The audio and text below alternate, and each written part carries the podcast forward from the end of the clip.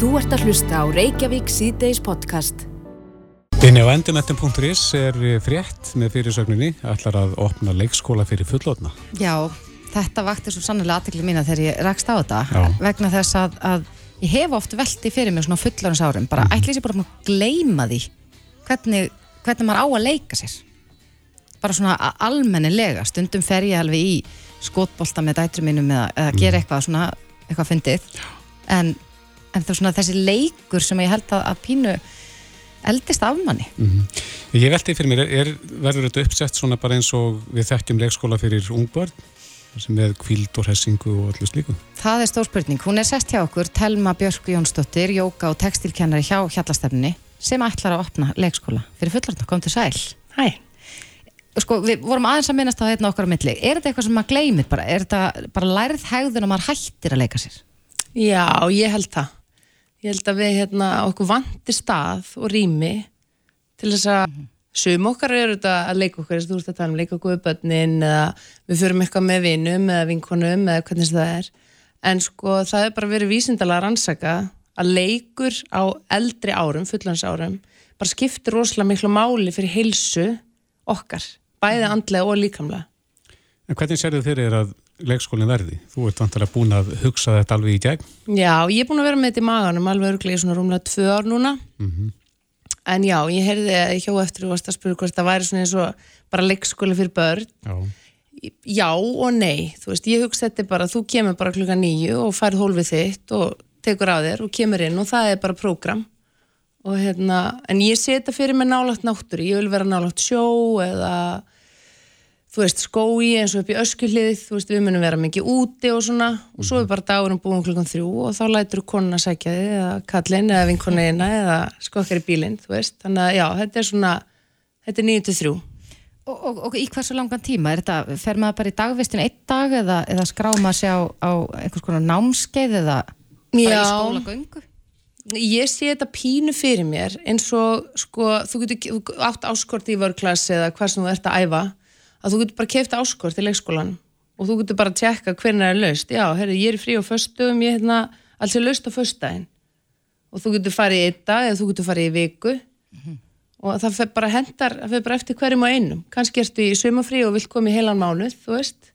En það er prógram, bara allan allan ásinsing, Hvað er aldurstakmarkið? 18 ár. Þetta er 18 ára eldri. Já, 18 ára eldri. Og ekkert hámark á því. Nei.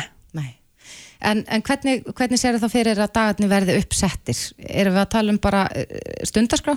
Já, við erum að tala um stundaskrá. Ég er svona sett upp grófa stundaskrá í námunum mínu að því ég var að útskrifast þarna og jákværi sálfræði og ég sé þetta fyrir mér að við séum að koma nýju að því við bara fullur fólk á líf og á börn og er í vinnu og þarf að gera alls konar. Þannig að ég sé fyrir mér að við byrjum daginn klukka nýju og ég er jókakennari og, og kennir sér satt jóka og hugleyslu í barnaskóla og ég sé fyrir mér að byrjum daginn á núvitund. Og hvað sem að það er í formi hugleyslu eða eða einhvers konar annara núvitundar.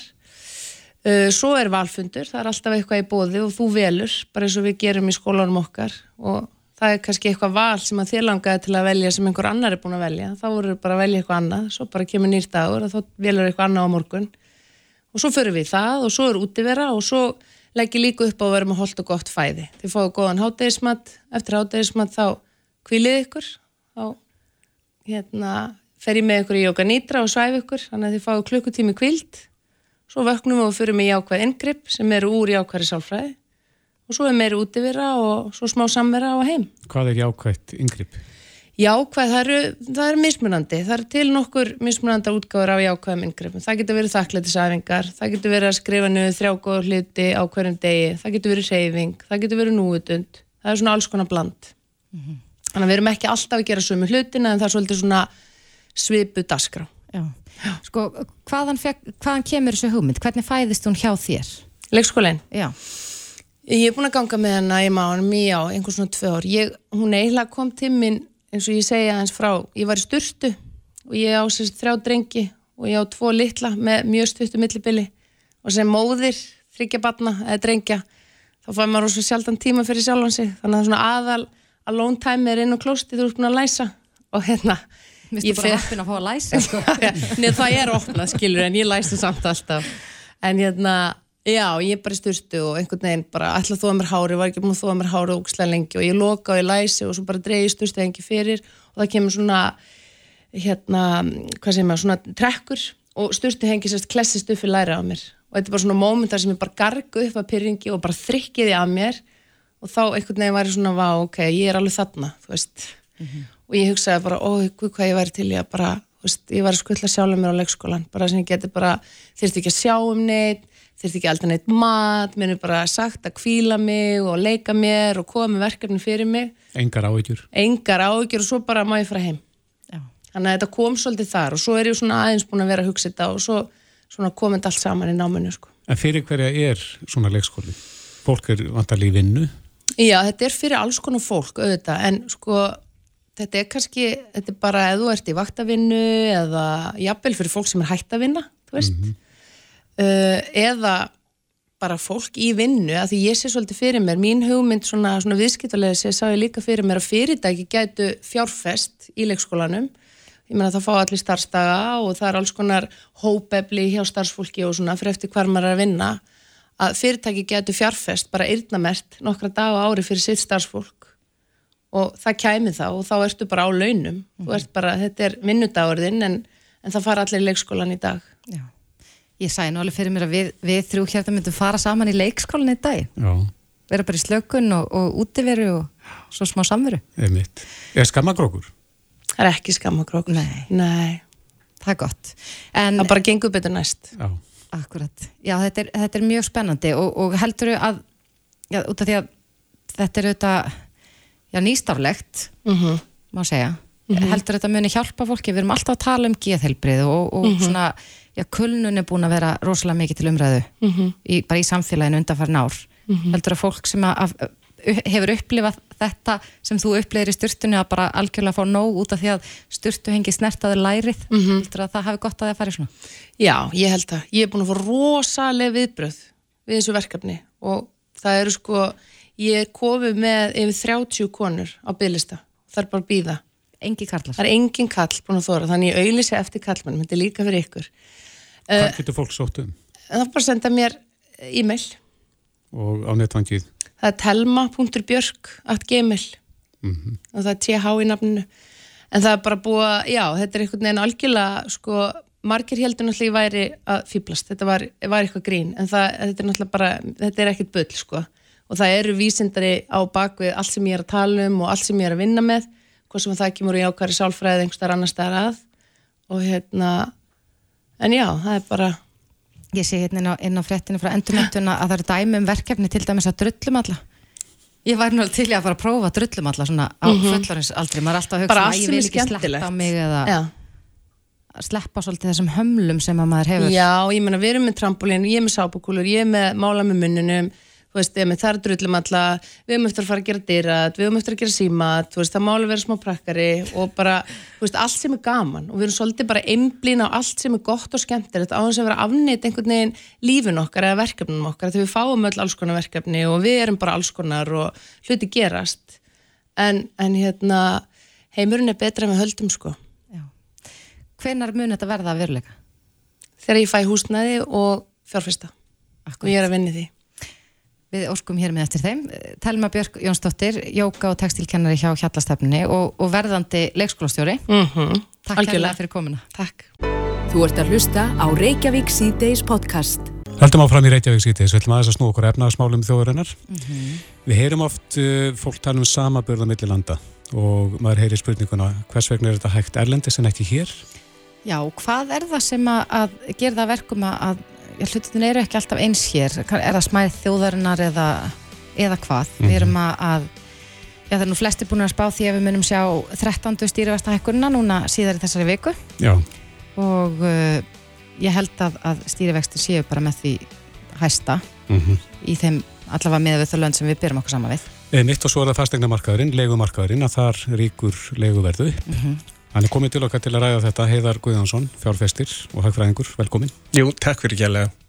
Er hægt að, að uh, já, svona bara setja fingur á það hvað er það sem gerir það að verkum að hlutinir eru ekki eins hér eins og annars þar?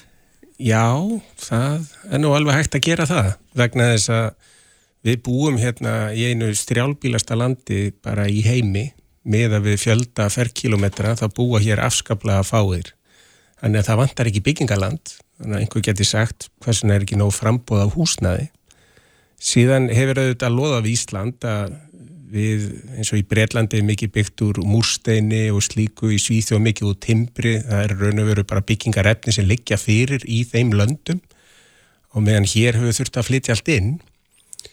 En eh, sama hvernig maður lítur á þetta aðal kostnæður við húsbyggingar í dag hann hlýst að tvennu. Annars vegar að það eru mjög íþykjandi reglugerðir hvernig þarf að byggja. Það þarf til að mynda að byggja ég, ég fulla samúð með fólki sem á erfitt um, vik en við þurfum að hafa hjólastóla aðgengi sangat reglugerðum í hverju einustu íbúð í nýju fjölbillishúsi og það er þetta úttemtir viðbótar kostnað eh, síðan eru alls konar öryggis kröfur og annað eh, sérstaklega kröfur um frágang og annað sem eh, hafa verið að koma inn á síðustu áratugum og eftirlitskröfur og annað sem bæði gera svona ferlið flóknara en líka kostnaðin og tíman mun meiri heldur nella þannig að í raun og veru við hefum nóga lóðum en nóga af jarðnaði en eh, sveitafélagin er ekki að útila lóðunum. Það er svona grunnurinn að þessu. Síðan eru við með reglugerðir og íþingjandi hvaðir sem gerir það verkurna kostnaðurinn er meiri hér heldur en annar staðar Og svo í þriðja lagi að þá eru þetta stór hluti af fastegna kostnaði, það er einhvern veginn að borga vexti og vextir hér eru miklu hærri en annars. Af hverju? Í dag er það út af því að ef við skoðum til að mynda verðbólgu í Evrópu, þá er verðbólga einhvers þar á bilinu 2-20% eftir löndum, lægst í Sviss og fer síðan í Östur-Európu sem er löndum þar alveg upp í 20% að Við erum með sælabankar sem eru verðbólgu markmiði. Í dag er verðbólgan álagt 9%, þeir eiga haldinni 2,5% og bara sangat lögum á berðin bara hreinlega skilda alltaf hækka og hækka og hækka vexti kannski að þeir ná verðbólgunni niður í 2,5. En hvers vegna er verðbólgan svona há á Íslandi og hvers vegna er hún ekki 2% eins og í Sviss? Þá vil ég nú skella skuldinni á ríkisfjármálinn vegna þess að aukning ríkisútgjálta hérna bæði í kringum COVID og ekki síður eftir COVID, eftir að var ljóst hvernig okkur myndi reyða af, að þá hefur ekkert verið dreyið úr, það heldur freka bætt í. Þannig að maður átti nú að því að þessi COVID fjárlög sem komu væri tímabundin aðgerðin síðan er þið dreyið tilbaka. Við sáum að Sælabankin í COVID lækkaði vexti gríðala til þess að auðvelda almenningi hér Eh, alla þessu óvissu og þannig ófyrir sjánleika sem var. En um leið og COVID laug þá byrjuðu þeir að hækka eftir vexti. Það sem ríkisfjárlöfurinn átt að gera var að byrja að sína afgang á fjárlögum. En það fyrst ekki vera neyn stemning fyrir því mm. e, á ríkistjórnar heimilinu eða í fjármjörnarlandinu Og við erum ekkert farin að sjá fyrir endan á þessu ennþá. Eh, það er nú svona flestir greiningar aðlar að spá því að við myndum sjá 13. stýrivasta hekkunna núna síðar í vikunni Já, ég er fullvissum það líka, ég, því miður, en, en þetta er heimatilbúin vandi. Þetta er ekki eitthvað sem kemur bara algjörlega ófyrir séð einhvern veginn og atvikast einhvern veginn og grunnurinn á þessu er alltaf frambóð eftir spurn og það skortir frambóð. Það er svona fyrsta stóra málið í þessu. Mm -hmm. Hver er þá leiðin út úr þessu? Liggur boltin hjá uh, ríkinu, það er að segja draga á ríkisútgjöldum, er það líkillin? Já, til að minga vaksta hækkan í Sælabankans, þá þurfa þeir að draga saman ekki spurning og það þýðir ekki endilega að þeir þurfa að hætta öllum framkvæmdum, en þeir með að bara fara í framkvæmdir sem skila nægilegri arðsemi. Hér er verið að fara í alls konar gæluverkefni sem er fyrirsjóðalagt að munu engu skila til þjóðabúsins Uh, alls konar vegafrankandir uh, eh, sem eru óhagkvamar, einhverja jarðgangna frankandir sem eru fyrir séð óhagkvamar en er einhvern veginn réttlættar út frá einhverju byggðastefnu. Og síðan erum við líka með alls konar hugmyndir eins og var hér bara þegar maður horfir að byggja nýjan þjóðarleikvang undir landsliði í fókbólta sem er í kannski notaður hvað tíu dag ári. Ég meina við höfum ekkit efna svona. Þetta er bara vittlisa en til að mynda að breyka reikinnesbröðina sem eiginlega allir ferðamenn sem hinga að koma fara um og er einn helsta samgöngu að Íslands það skiptir rosalega miklu máli og slík framkvæmt myndi borga sig upp á tveimur, þreimur árum. Mm -hmm. Þannig að það sem það er að gera er að minga ríkisútgjöld, nummer 1, 2 og 3 og síðan upp á lóðaframbóð og upp á fastegnamarkaðin til langs tíma að þá skilum maður ekki hversin það er ekki búið að opna hérna og fara í uppbygging á Blíkastadalandinu og Keldnalandinu og, og öðrum svona stórum svæðum hér í kring. Mm -hmm. Það bara blasir við að það veri gott fyrir alla. Hversu, hversu já, stór byggð gæti það verið? Erum við að tala um að það, það myndi bara leysa húsnæðisvandan hér á höfuborgarsvæðinu? Nei, það myndi miskusti minga mjög mikið vandan. Ég ímynda mér að þarna verði hægt að koma fyrir 15.000 manns uh, og síðan eru þetta svæði í kring hér, bæði í kringum Selfoss, í kringum hérna nákvæmna sveitafélögin, Mórsfjöldsbæ er, er hérna við Blikastalandi og, og svo Garðabæ og Hafnafjörð eh, allt áltanissi þar væri hægt að byggja upp. En þetta hefur svona ekki samrýnst þessari tísku stefnu sem er í gangi um, um þéttingubeyðar mm -hmm. og ef maður skoðar afleggingar þéttingubeyðar að þá er það þannig að barnafólki fækkar og fækkar í Reykjavík en fjölgar í náttúrulega sveitafélagunum sem er ekki með jafna stífa stefnu. Mm -hmm. Þetta meðvitað? Er að íta barnafjölsildum út úr sveitafélaginu? Ég vona ekki, en, en það sem gerist auðvitað með svona þéttingastefnu það er að fastegna verða hækkar og þá verða fast egna gjöld herri, þannig að Reykjavíkuborg til skanstíma far miklu meiri tekjur þegar ef það fækkar í raun og veru barnafólki í Reykjavík þá er miklu minni kostnæri kringum skólahald og annað þýjunlíkt en ég vona að þetta fólk hugsa ekki þannig mm. En við erum nú búin að sjá það eh, svona upp á síðkastið að, að vextir er að hækka og, og eh, já, til dæmis hefur hafa verkalýs fóringjarnir áhyggjur af því að, að eh, þeir sem að festu vextina sína í þessu mm. lága vaksta umhverfi að þeir eru að fara að losna og það getur verið mikil skellu fyrir fólk. Þá hafa nú einhverjir í stjórnar andstöðunni verið að kalla eftir því að það verði já, spýtt í eins og barnabótakerfið og vakstabótakerfið, húsnæðisbótakerfið Mm. En þurfum við ekki að, að þá sækja tekjur til þess að vega þetta upp? Við tölum um að mikka útgjöldun en, en hvað með tekjulegina? Því miður er málflutningur Ragnar Stórs í Vaffer svona klassískur populismi. Það í raun og veru, hann gengur ekki upp hægfræðilega. Að, uh, hann hefur rætt fyrir, verið að, að, að núna skrifum það að það er ekki að hækka vexti á Sælabankanum. Þetta er einhver hugmyndafræði sem var til fyrir kannski 20 áru síðan og þetta er modern monetary theory og bara hreinlega gengur ekki upp eins og peningarmagn í umferð skipt einhver máli og vakstastík skipt einhver máli. Eh, hann einhvern veginn ímynda sér að, að ríkið geti endalust eitt og eitt án þess að komi fram í verbulgu. En það er ymmit sem við erum að sjá núna út um allan heim. Þess að verbulgu sem er að koma fram er út af ósjálfbærum ríkisrekstri. Annað sem er svona populist og er klassíst hvort sem er fyrir 20, 30 eða 50 áru síðan að þegar verður svona olga í kringum vexti og fjármálamarkaði að þá mingar aðgangur almennings að lánsfíi og það verður erfiðar að verða sér út um húsnæði og þá koma fram populistar og segjast vera með einhverja töfra lausnir í kringu það. E, Gjarna vilja er setja plástur á eitthvað sem er mjög veikt, það, það dugar ekki. Það sem þarf að gera er að hugsa hlutin upp á nýtt eins og auka varanlega frambóð af lóðum til bygginga eins og að í raun og veru eins og ég hef mikið rætt við ykkur hérna um að skipta út gjaldmiðlunum og minga þannig viðskipta kostnað sem fylgir íslensku krónunni og er hér á Íslandi. Þegar við erum ofta að tala um þennan samabörn millir landa, spilar gjaldmiðlun stóra rullu þar? Já, ekki spurning, ekki spurning. Eh, hins vegar er það þannig að á Íslandi þá erum við í mjög öðvöldsveri stöðu. Við eigum svo mikið að tækifærum, við eigum svo mikið að auðlendum mikið að viðskiptartækifærum hérna í kringum landið, í kringum siglingar og samgöngur og ferðamennsku og annað þvíum líkt.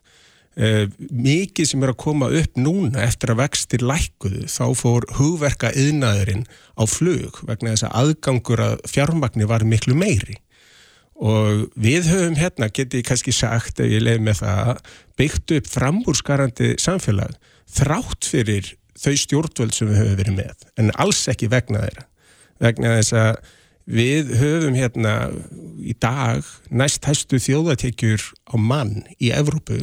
Við höfum mesta tekju jöfnuð í Evrópu og við höfum framúsgarandi lífskilir.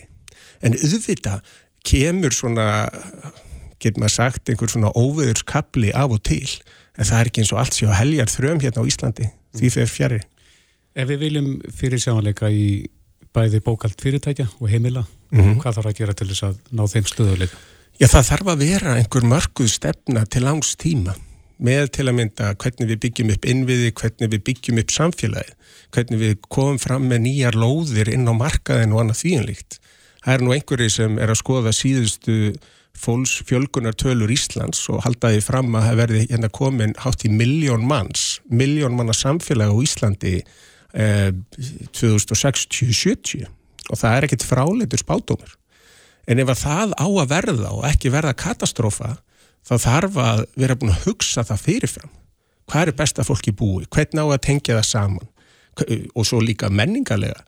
Eh, hvernig viljum við haga íslensku kjenslu? Hvernig viljum við að, að samfélagið sé? Þannig að mér finnst við vera allt og mikið að keira eftir baksinni speklinum, við þurfum að horfa fram á við og, og gjaldmiðlin er, er hluta því að búa til fyrir sjálfleika.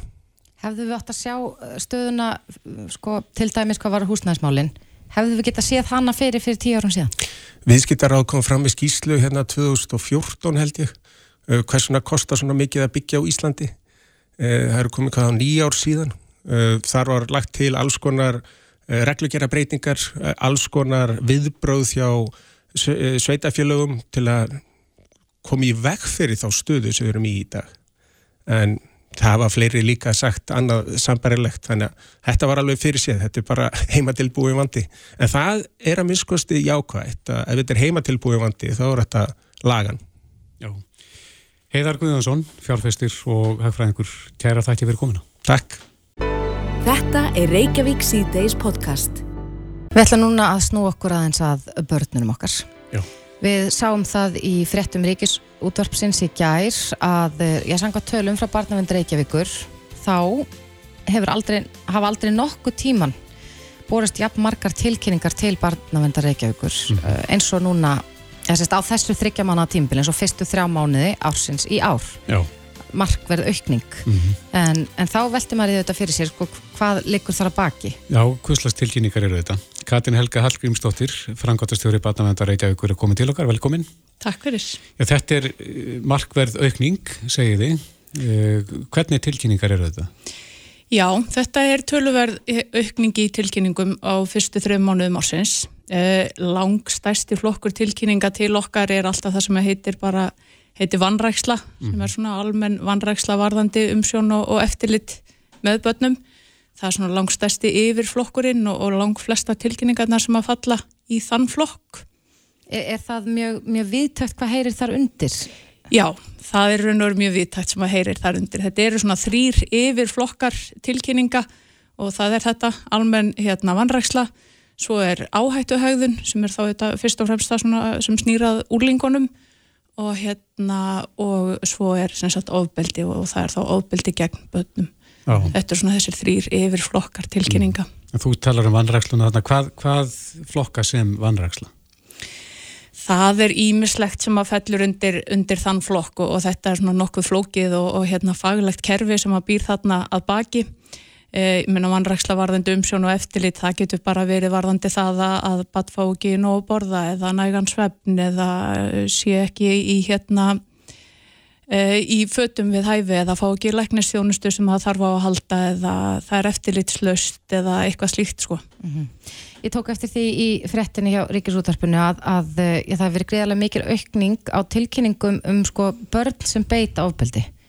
Fellur það undir vannrækslu eða væri það þá þessi áhættuhegðun? Það eru er, er floknum áhættuhegðun og jú, það er alveg rétt. Það, menn, það kemur stundu fyrir að við sjáum svona einhver, stökk í einhverjum hérna, undir flokkum. eh, og það kom svo sem líka fram að þetta er lítill flokkur.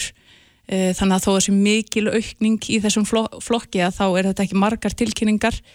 Eh, þetta eru 97 tilkynningar um, um hérna, það að badbeita ofbeldi. Eh, en í heildin á þessum tíma voru þetta rétt rúmlega 1400 tilkynningar. En við sjáum að það enga sér og það verður mikið stökk þannig í þessum undirflokk. Þannig að það er svona eitthvað sem við að tökum eftir og, og er verðt að, hérna, að hafa augun á og, og reyna að breyðast við. Já. Hvaðan koma flesta tilkynningarnar? Er þetta frá skóla? Lang flesta tilkynningarnar berast okkur alltaf frá lögreglu uh, og það er nú bara einfallega vegna þess að sá háttur hefur verið hafður á í, í nokkuð mörg ára að hérna já, bara nánast alla snertingar sem á laurugli hefur uh, við börn eða, eða heimili þar sem eru börn og það sendir laurugla til barnavenda í formi tilkynninga Eh, en svo sjáum við það líka á fyrstu þrjum mánuðum ásins að, að, hérna, að það verður mikil fjölgun í tilkynningum sem berast okkur frá skólum í Reykjavík þannig að það er svona eh, annar af þessum undirflokkum sem við tókum svolítið eftir núna á fyrstu þrjum mánuðunum þar sem verður mikil breyting og, og það auðvitað bara kallar á það við hans rínum það og, hérna, og veldum því upp svona með skólasamfélaginu hvað það er sem veldur. En, en eh, lítið á það sem sko ég get nú varðla sagt jákvæð þróun að það séu fleiri tilkynningar en, en er, er þetta mögulega að hluta til bara betri vitund þá bæði innan skólakerfisins og meðal almennings um að tilkynna til dæmis vanrækslu? Eða er þetta hreinlega bara fleiri tilvik það, maður er, maður er bara svolítið að geta í auðunar þegar maður er að velta fyrir sér af hverju. En það er ekkert hérna það er ekkert óeðlilegt við að hérna að ætla það að e, það sé meiri vitund og, og hérna, fólk sem meira vakandi e, og það skilir sér eitthvað leiti í auknum tilkynningum. E, við erum, núna er alveg óbáslega mikil vinna í gangi í Reykjavík og öðrum sveitafélagum við að innleiða hérna, farsaldarlögin sem að gangaðu þetta út af það að, að hérna, allt kerfið og allir sem eru í e, nær samfélagi badna láti sig varða líðan og farsælt badna og bregðist við ef þeir sjá að eitthvað er ekki lægi mm -hmm. og það er verið að endurnýja alla verkverðla, setja upp nýt heimi og það eru öll kerfi meðvituð um þetta og markveist að, hérna, að passa sig að bregðast við. Þannig að þýleiti er ekkert óverlegt heldur við það að, hérna, að þessi aukna vinna og þessi miklu fókus skilir sér eitthvað leiti auknum tilkynningum til okkar. Já, það, þetta eru aukna tilkynningar eða þess að tilfelli en þið rannsækja málið.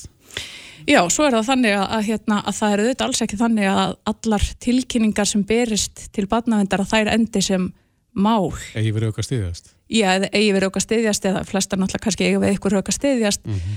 en við förum yfir hverja einustu tilkynningu og metum hvort hún sé þess eðlis að það kalli á það að það sé opnað badnavendamál og, og farið í könnun á málinu. Það er ekki nema rétt um helmingur tilkynninga sem að, fara eitthvað lengra hjá okkur.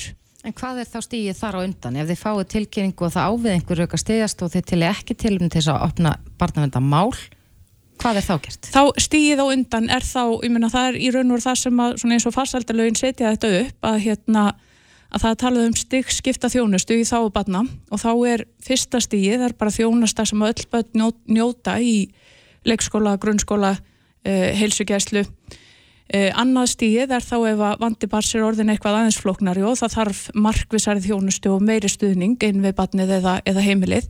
Og svo þjónustu er þá almennt veitt eh, af félagsþjónustu sveitafélagana mm -hmm. og í Reykjavík er það þá miðstöðarnar út í hverfunum sem að veita þá þjónustu og þá kemur félagsrákjafi eða kannski eitthvað stuðningsfjölskylda eða, eða eitthvað slíkt. Eh, fjölskyldan fær eitthvað aðeins meiri þjónustu eldur en nýra fyrsta stígi og þriðja stígið er svo barnavendin mm. þegar að, að máli eru orðið mjög alvarlegt e, það myndi þýða að það hefði alvarleg áhrif á, á mögulega líf og heilsu barsins ef að, ef að hérna, það kem ekki til afskipta barnavendar, það er svona viðmiðið þegar þú komin upp í þriðastyks þjónustu sem að barnavend almennt er. -hmm. Eitt af því sem að við sko, fengum nú veður af fyrir ekki svo lengur síðan þegar umræða var uh, nokkuð háværum um sko, byðlista eftir þjónustu, ímsu þjónustu fyrir börn að, að fólk væri farið að bregða þar áð að sko tilkynna sig sjálft til þess að, að já bara fá aðstóð að það sé í raun og veru komið í ákveðu ungstræti fóreldrætnir og vilji fá aðstóð en, en kannski hafa ekki já burðina til þess að býða er, er, er þetta á þetta verið auka stiðjast er fólk að tilkynna sig sjálft til þess að kalla eftir aðstóð? Já, já, það gerist alveg, alveg reglulega Ég, þetta er ekki sá flokkur þar sem við sjáum að það verði eitthvað uh, svakaleg breyting eða svona stórar sviftingar því að, hérna, að fóreldra sé að tilkynna börn sín en það er alveg, alveg vel þekkt að, hérna, að fóreldrar tilkynni, tilkynni börnum sín mm -hmm. og sig þá og, og skeftir aðstóð, já. Heldur þau að, að já, viðhorfi til barnavendar hafi breyst? Nú hérna á árum áður var þetta nú oft talað um þetta sem eitthvað ákveðna grílu að, að það geti ekkert gott fyllt því að leita til ykkar? Uh, ég, veit, ég vona það en hérna kannski er auðvitt fyrir, fyrir mig að segja en, en það er náttúrulega þannig líka eins og segja að, að, hérna, að það er ekki næstu því öll mál sem að bera stokkar sem, til, sem tilkynningar sem að fara í vinslu hjá badnavend og svo af þeim málum sem að fara í vinslu hjá badnavenda að þá er bara lítið hluti þeirra mála sem að endar í einhverjum þvingunaraðgerðum eða svona þessum kannski flóknu, alvarlegu yngrippum sem að valda oft svona miklum, miklum usla. Það er bara lítið hluti þeirra mála sem að komin á okkar borð sem að fara þann veg. Oftast eru málinunin í, í góðri samvinnu og hægt að veita þjónustu og stuðning sem að fjölskyldan þarf á að halda. Já, það segir hérna í fréttinni hjá Ríkisjónarpunni að það þurfa að leita aftur til hrunsins til þess að finna viðlíkan fjölda. Seti þetta í samhengi við ástandið í þjóðfélaginu? Sko við horfum alveg aðeins á það í, í hérna í COVID-faraldrinum og, og þá svona eh, settum við fram ákveðna spá um það að hérna þá voru já, komur að segja, óhefbundnar aðstæður í, í gangi í samfélaginu og, hérna, og þá svona horfum við svolítið aftur til hrunsins og í hrununa þá fjölgaði tilkynningun til Padnandar Reykjavíkur um 14% og það sama sáum við gerast e, aftur í, í, hérna, í COVID og bara þá umræðu þekkjum við ágætlega. E, þannig eins og ég, ég veit ekki alveg hvað það er sem að veldur núna, ég mennu þetta er ekkur teitringur í, í samfélaginu en, en þetta kann eins og ég líka að hluta til að skýrast að því að það er mjög aukinn uh, fókus við settur núna á hérna, farsælt og, og veljaðan barna og mikið kalla eftir því að, að bröðust sér við. Mm -hmm. Er það mikilvægt fyrir, fyrir já, nær samfélag allra barna að hafa augun opinn? Fylgjast með? Já, það er það allra mikilvægasta því að það er þaðan sem að hérna, mesta hjálpun og mikilvægasta aðstofun kemur. Það er náttúrulega fyrst og fremst frá fjölskyldunni og því nærum hverju barsins og svo hérna, næsta umhverfið er, er skólinn og, og leikskólinn þar sem að börnin eru á hverjum degi og, og dvelja langt völum þannig að það er óbáslega mikilvægt að, hérna, að þessir aðalar bregðist við eða þeir sjá að barnir í vanda. Og grípa snemma inn í. Já, grípa snemma inn í, það er markmiðið. Já, Katrín Helga Hallgrímsdóttir, frangotastjóri Barnavendar Reykjavíkur. Kæra þakki fyrir komuna. Takk fyrir. Þetta er Reykjavík C-Days podcast. Fyrir helgi að þá eh, samþýttu félagsmenni í BSRB frekari verkfallsaðgerður út um allt land vegna kjaradeilu BSRB við sveitarfélugin mm -hmm. og uh, það hefur verið bóða til aðgerða í 29 sveitarfélugum. Já. Þannig að ljóst er að, að áhrifin munu uh, ja, dreifast viðar og verða meiri. Já. Sonja Ír Þorbergsdóttir, formaði BSRB er á línu, kom til sæl. Komið sæl. Er deilan í hnút? Já, nefnir býstna hörðum hnút. Eh, við erum umverulega í þessari stöðu vegna þess að í februar það byrjaði félagsfólk okkar að, að ringja eh, sem að starfa að vísaður landi hjá sveitafélagunum og, og þau sem sagt aftur þess að því að, að samstagsfólk þeirra sem er í nákvæmlega sömu störfum hafi fengið launahækkun í januar en, en þau átt ekki að fá hana heldur átt að okkar tilbúið stundur umverulega til þess að þau fái launahækkanir frá e, eh, 1. apríl. Þannig að við horfum árið 2023 og þá myndi vanta upp á 25% á launahekkunum. Okkar hóp samborið við fólk sem að vinna sömið að sambarlega störn. Þannig að það er svona uppafsreiturinn að því að þetta fór allt í þennan hút. Mm -hmm. En, en eh, viðræðunar hafa ekki þokast neitt að ráði svona miða við þær frettir sem maður hefur lesið. Hversu bjart sínast þú á að, að, að já, þið náðu að leysa þannig hnút? í samstarfi við uh, sveitafélagin?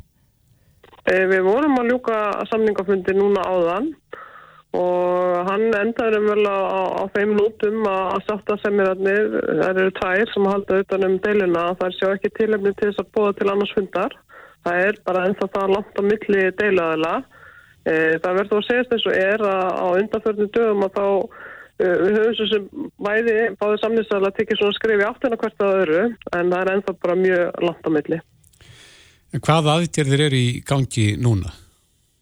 Sérst í dag að þá vera, voru okkar fjölar að leggja niður störf í hérna, grunnskólum og, og leikskólum í nýju sveitafölum hérna fyrir utan Reykjavík og Hauðborgarsæðinu og, og síðan á, á Suðurlandi og svo var þetta sömulegis hérna höfnin í, í Þálagsvöld og svo á morgun að þá verði þetta komin tíu sveitafölu í kringu 1500 manns Eh, og þá áfram sagt, í þessari viku að þá er þetta fyrst og fremst í grunnskólum, leikskólum, frísnöndaheimilum og svo höfnum. Er það eina sem greinir að millikar það er þessi afturvirkni?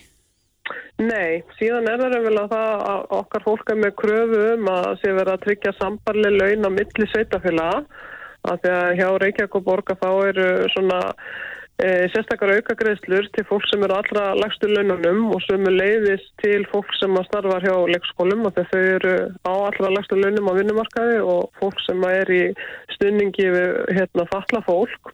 E, þannig að þegar fólk er að færa svo milli setjafélag, til dæmis er að sækjum vinnu í Ölfusi eða Kóboi að þá verða að lekka launum eða verða að fara úr þessum störfum. Þannig að krafan er um að sé verða að tryggja sambarlega laun þess á setjafélagi mm -hmm. Þetta eru 29 sveitafélög sem þarna eh, er búið að búa til verkfalla í. Er þetta, munir þetta hafa viðtak áhrif á, á svona daglegt líf bæjarbúa í þessum sveitafélögum?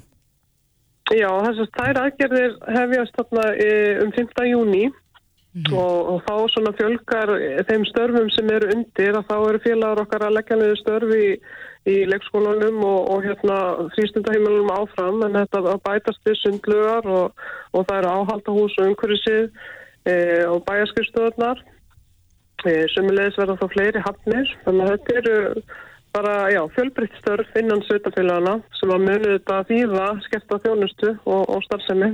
Já, þannig að þetta stefnir í að verða svolítið vítækt Já, þetta verður mjög umfásmikið, þannig að fólk við finna verulega fyrir því. Það er náttúrulega fundið mjög fyrir því á undanfærstum dögum e, fólk sem er með börn á, á leikskólum og í grunnskólum í þessum sveitafélagum frá störfin hafi lögð niður og svo bætist það bara í og svo er það verið að horfa til þess að þetta hafi verið svona skærur hjá okkur hinga til e, að þarna 5. júni að þá eins og í leikskólunum að þá verður bara alfarið lögð niður störf.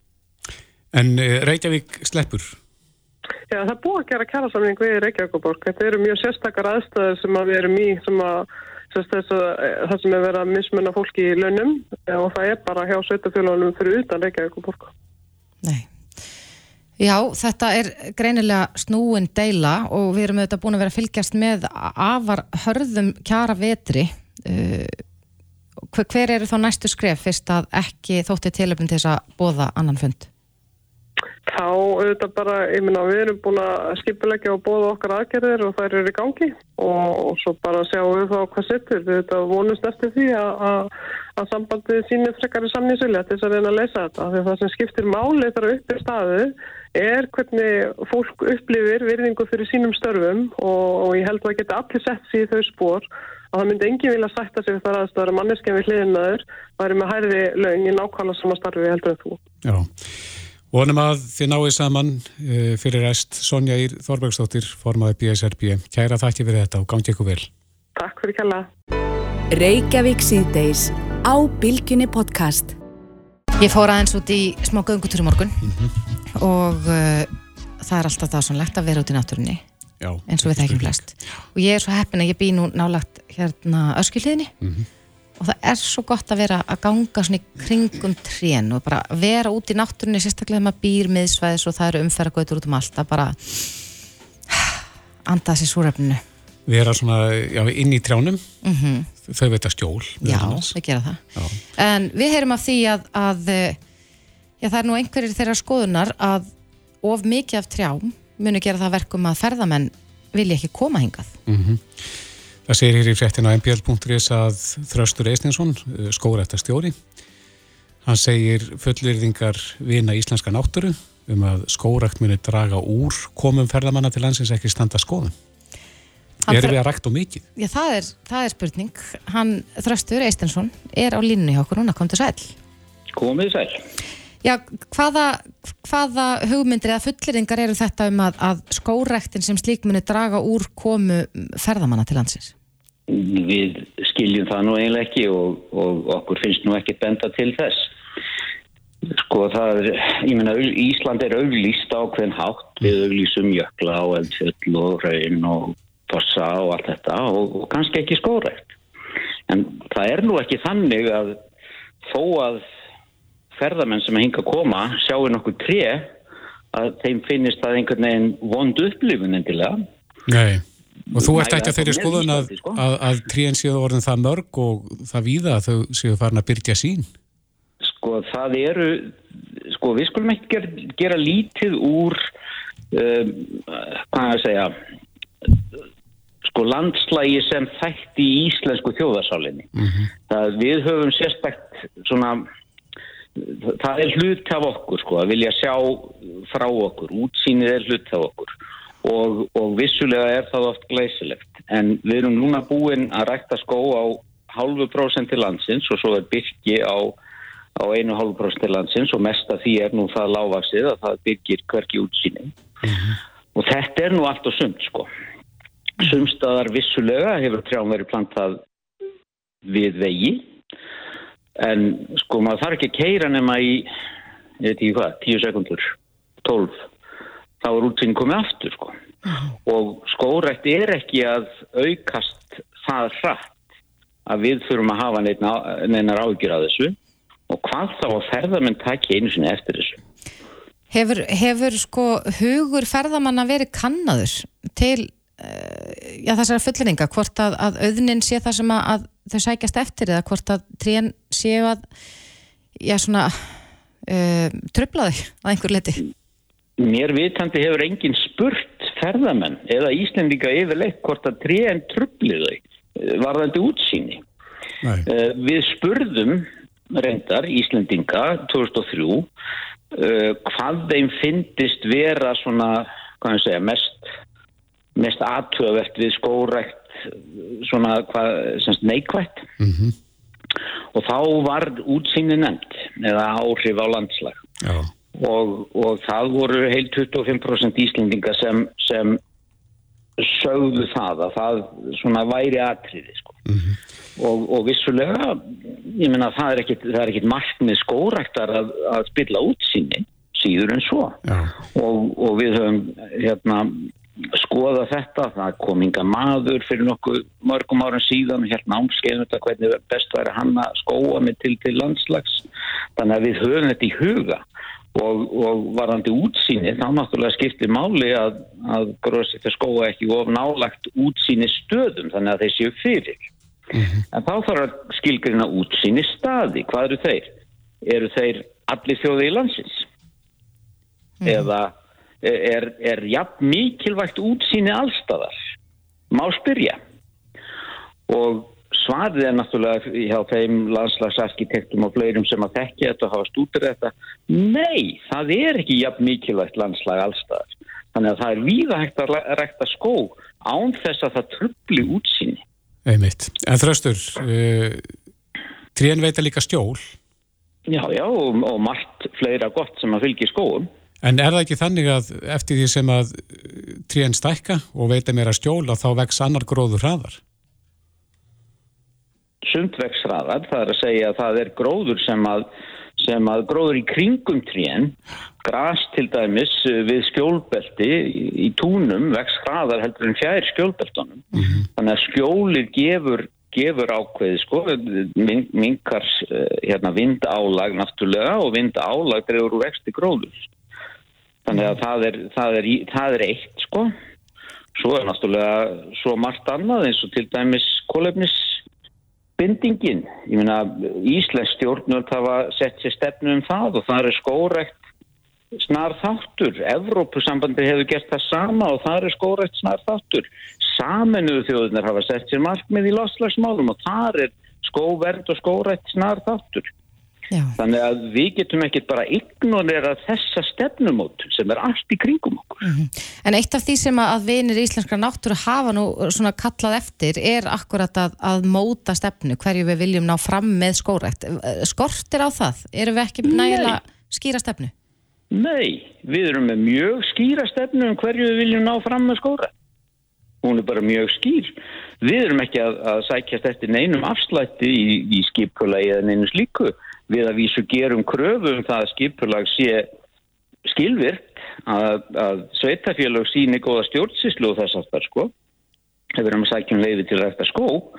En, en það gerum við með markmið í huga og markmiðin geta verið ímiskonar nú er það mikilvægast að binda kólefni til þess að reyna að stemma stegu við loftlagsbreytingar vegna þess að ef við gerum það ekki og það er reyndar eitt sem að er nokkuð ljóst að við er, okkur er, er ekki að takast það sama hvað við erum að, við erum að gera í rafbílavæðingu og, og skórækt og, og endurinn dvotlendis og þess aftar, þá er hagkerfið að stækka hraðar heldur en það sem við erum að gera í þeim öfnum. Mm. Sem þýðir að, að við erum í raun og raun að fara aftur og bakk. Og, og spára á þessari öll gerir á fyrir að miða við óbreytt ástand að það hlýnu um fjórar til 6 gráður. Mm -hmm. En svo kemur ölda eftir þessari og þá hlýnur um annað eins. Og hvað erum við þá? Jú, við erum með loftslag sem er líkt í og er í Portugal núna. Hér á Íslandi? Hvað, hér á Íslandi, já. Mm. Hvað verður um gróðurinn, fugglana, allt þetta sem er í kringum okkur þá, þegar loftslag eru orðið þannig? Mm. Ég er nú hættur um að það verði horfið. En þröstu, hvaða trjátegundum er skóræktin að planta?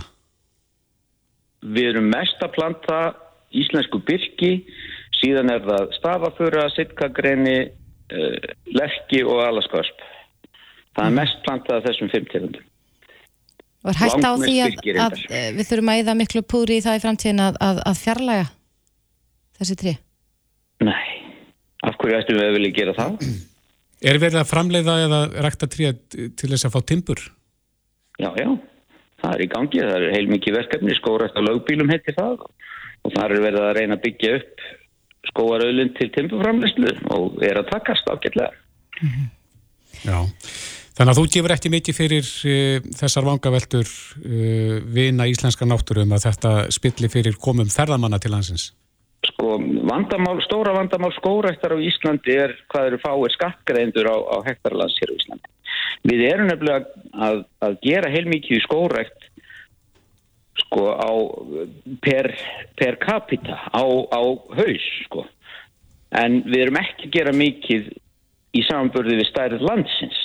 Mm -hmm og, og landið sem við búum í er það stórt að það þólir talsveit mikið meiri skórætt áður en hún fyrir að hafa telljandi áhrif á, á hérna útsýni eða fugglastofna eða hvaða nú er annað sem að fólk hefur áhyggjur af. Já. Já, þetta er aðeinsvert. Þröstur Eistensson, skóræktar stjóri. Kærar þakkir fyrir þetta. Mín var ánægn. Hlustaðu hvena sem er á Reykjavík C-Days podcast. Jæja, áframhaldum við Reykjavík C-Days. Þjóðin hefur fylgst með uh, þessu frábæra bakarslaupi sem fór fram í Þýskalandi. Já, ég, sko, ég er endar ekkert búin að vera sérstaklega mikið að fylgjast með eftir að Íslandingarnir tveir duttu út. Ég, ég held að það sé nokkuð vist að það er ennþá fólk sem er að hlaupa. Mm -hmm. Sko, nokkrum dögum síðar. Og á eitthvað eftir?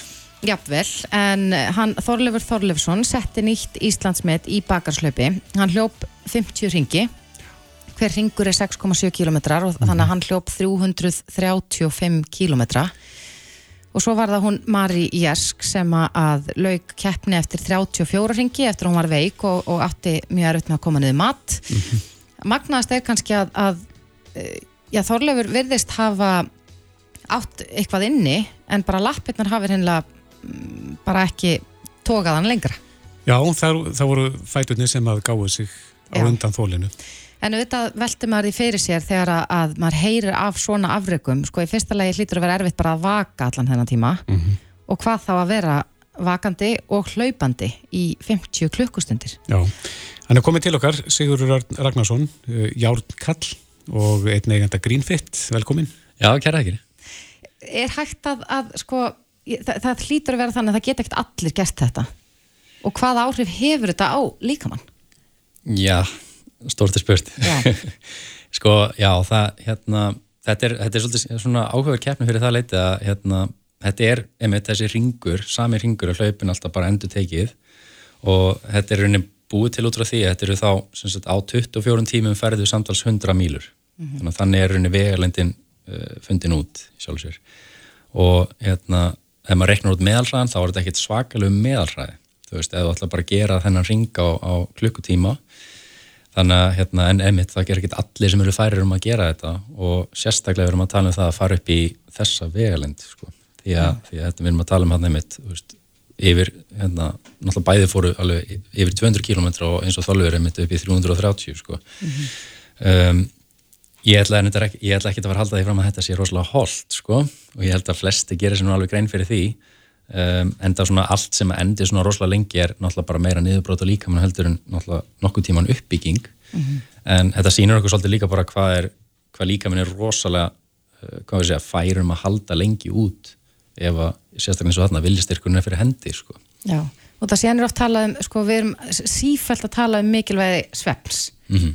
Hvort sem það er, er sko bara fyrir líkamlega helsu, andlega helsu bara allt saman. Og þarna er fólk náttúrulega varla að sofa í allan þennan tíma. Sögumir ná að, að taka eitthvað svona pínuleitla kríu en að milli. Mm -hmm. en, en að halda sér gangandi í allar þessar klukkustundir er bara afreg út af fyrir sig. Algjörlega. Og, og hérna, enda er uh, sko það sem verist gerast í þessum keppnum er að einmitt, eins og það er ótrúlegt að, að Þorleur hafi sagt einmitt að, að hérna, það er bara lappinnar sem gefast upp ekki, ekki andleið þátturinn því að mm hérna, það sem að gerist yfirleitt er að, er að fólk bara hefur ekki viljastyrki lengur til að fara áfram sko. um, en það er, það er þetta með svefnin alltaf, hann er það er alveg búið að sína fram á það uh, í, í rannsóknum bara að það er ímislegt sem að gerist ef við, erum, uh, ef við fáum ekki nægilega góðan svefn og bara til dæmis ónumiskerfi okkar hættir að virka nægilega vel og, og hérna svona ímsir þættir þannig að, þannig að þetta, þetta er ekki gott ef maður hugsaður til þess Um, en auðvitað þá þeim er mikilvæg að, að reyna, sérstaklega í nætutíman að ná kannski einhvern svona kríum inn á milli mm -hmm. og já En e, það er náttúrulega þjóðþögt að Mari Jersk, hún strómpreikir og e, Tómas Guðpersson, læknir, allar hjálpin að hætta mm -hmm. mun það skipta miklu máli? Tilur það? Sko, reykingarnar eru náttúrulega Uh, sko ef við hugsaum þetta brot frá lungunum okkar mm -hmm. uh, sem sagt ef við myndum taka alla lungnablörðunar og dreifa úr þeim að hérna yfirborsflöturinn sem við tökum loftið inn á, hann myndi þekja raunni heilan tennisvöll og, og þegar, þegar við eða þess að einstaklingar þá er að reykja þá getur ímyndið okkur að, að við erum alltaf þá að hafa skemmandi áhrif á, á parta af þessu þessum yfirborsfleti í rauninni og þetta er það sem að sér um að koma súröfni inn í blóðrós og svo koltjósið út úr blóðrósin okkar þannig að, þannig að hérna, það mun auðvitað klálega hafa áhrif til lengri tíma ef að, ef að einstaklinguna er að hætta að reykja að, hérna, e, gera það verkum að þú mingar þá bólgur í, í þessum vefjum og, og, hérna, og þá kannski hindrar e, það að þú setja að skemma þetta þá ennþá meira sko. Mm -hmm þannig að það mun klála að hjálpa þýleitinu til. Já, ég, ég sko fylgist nú ágætlega vel með um helgina. Hún Mari, það var alltaf hægt að sjá sko í betni á Instagram þegar hún var að koma í mark og fara af stað og, og svona í síðasta sinn sem hún kom í mark. Mm -hmm. og, og þá var það fyrsta sem hún gerði, bara hún lappaði yfir e, línuna, bara kláraði ringin og þá var hún komin með, með síkaretuna á milli fingrana. Mm -hmm. og hún gæti varla sest og varla staðið upp en, en samt með, með hana þarna. Heldur að hún gæti átt mikið meira inni ef að, ef að já, hún myndi hætta Ef henni teksta? Já. Það er svona kannski erfitt, erfitt að segja sko. Um, þetta er náttúrulega þetta myndi skipta meira máli kannski ef að, ef að átökin væru þannig að, að loftskiptinu væru gríðarlega mikilvæg en af því ákveðin er ekki það há mm -hmm. uh, að þá kannski veit maður ekki nákvæmlega út frá, út frá því hvernig áhrif þetta hefur á svona eins og segið, þú veist, hérna, súrnusuptöku og, og svoleiðis en ef maður hugsa þetta kannski bara almennt út frá bólgumyndun og, og öðru slíku þá, þá getur klálega verið alveg ávinningur þar sko. Nú eru þið fyrir ekki í grínfett að mæla fólk mm.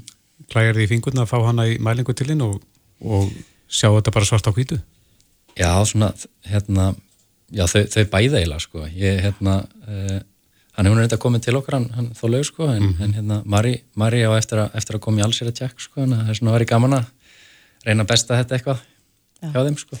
En, en svo eh, hætti, ég ekkert nefnir að hugsa um, um sko, hvað kemur síðan? Búin að vaka í 50 klukkustundir og hlaupa og hlaupa og hlaupa og, og varðla kvílast neitt. Hvernig er endurheimtin eftir svona ræð? Já, alltaf mikilvægt að, að bara fyrst og fremst fá svefn. Það er, ég held að það sé svona með 1, 2, 3 og, og hérna ná inn ykkur í næringu. Það, það byggir svolítið á því hvernig, hvernig fólk hefur náða að næra sig bara í hlaupinu.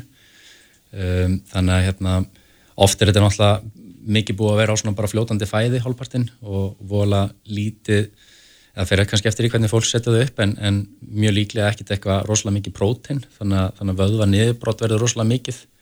Og það er einmitt það sem hefur líklega skert, gerst hjá, hjá þálfur er í svona laungum keppnum með endutekin högg þá, þá verður brákvæðin svona vöðaþreita mm -hmm. og, og það kemur bara tímanpuntur þar sem að, að næri ekki að halda lengur áfram þannig að eins og í svona lengu keppnum skiptir líka miklu málar inn að hámarka allan þann tíma sem maður getur gengið þannig að maður sé ekki að fá þessu högg mm -hmm. um, en, en einmitt að ná inn nægilega góðum svefni, fá nægilega mikið prótin um, og, og bara borða náttúrulega, borða vel eftir svona sko. Á svona löngu tíma, hvað er best að innbyrða í keppninni sjálfur? Það eru svona mismunandi svona, hvað ég segja, mismunandi aðfærafræði sem fólk verðist vera að beita í þessu en, en hérna uh, mestumáli skiptir að, að fólk fái stöðut hérna stöðut magn af kolvetnum því að, því að þau eru takmarkandi öðlendina líkamanns. Við höfum, flestir hafa nóga fyttu og jafnvel þóttu tækir eh, einstakling kannski eins og mig sem hefur ekki drosla mikla fyttuprófist utan á sér að þá eru samt alveg kannski 60.000 hittæningar í, í formi fyttu sem að líka minn getur notað. En á meðan að kolvetnabyrjarnir eru kannski svona í kringum 2000 til 2500 þannig að þetta er eins og að vera á svona tvinnbíl sem hefur rosalega stóran bensintankin alveg afskapla lítinn rafgemi og hérna og við, við erum alltaf að nota partar afgeminum eða, eða þá kolvetnunum þegar við erum undir ákjæð mm. þannig, þannig að það skiptir mála ná að halda uppi orkubyrjunum þannig og fólk er það mitt með hérna, oft með einhverju næringu með sér jafnvel fer með, með sér inn í, inn í hérna, hlaupalegin í brautinni sko, og er þá að taka það inn þar og svo auðvitað á milli Akkurat. Við erum eiginlega alveg að falla tíma en mm -hmm. myndur þú mæla með svona keppni? Fínt til að prófa, sjá Já. hver mörkjum hans líka en, en hérna, ég veit ekki hvort ég sjálfur sé spenntur til þess að hérna, þrýsta mér svona alveg þvílítlant í þessu. Nei. það er svona kannski Já, við óskum þeim með þetta báðum til hamingju og hún þorlefi til hamingju með Íslandsmetið. En, en Sigur Örn Ragnarsson, Járn Karl og einn eigenda Greenfit. Kæra þakki fyrir komina Takk hjá það fyrir mig. Reykjavík síðdeis á Bilginni podcast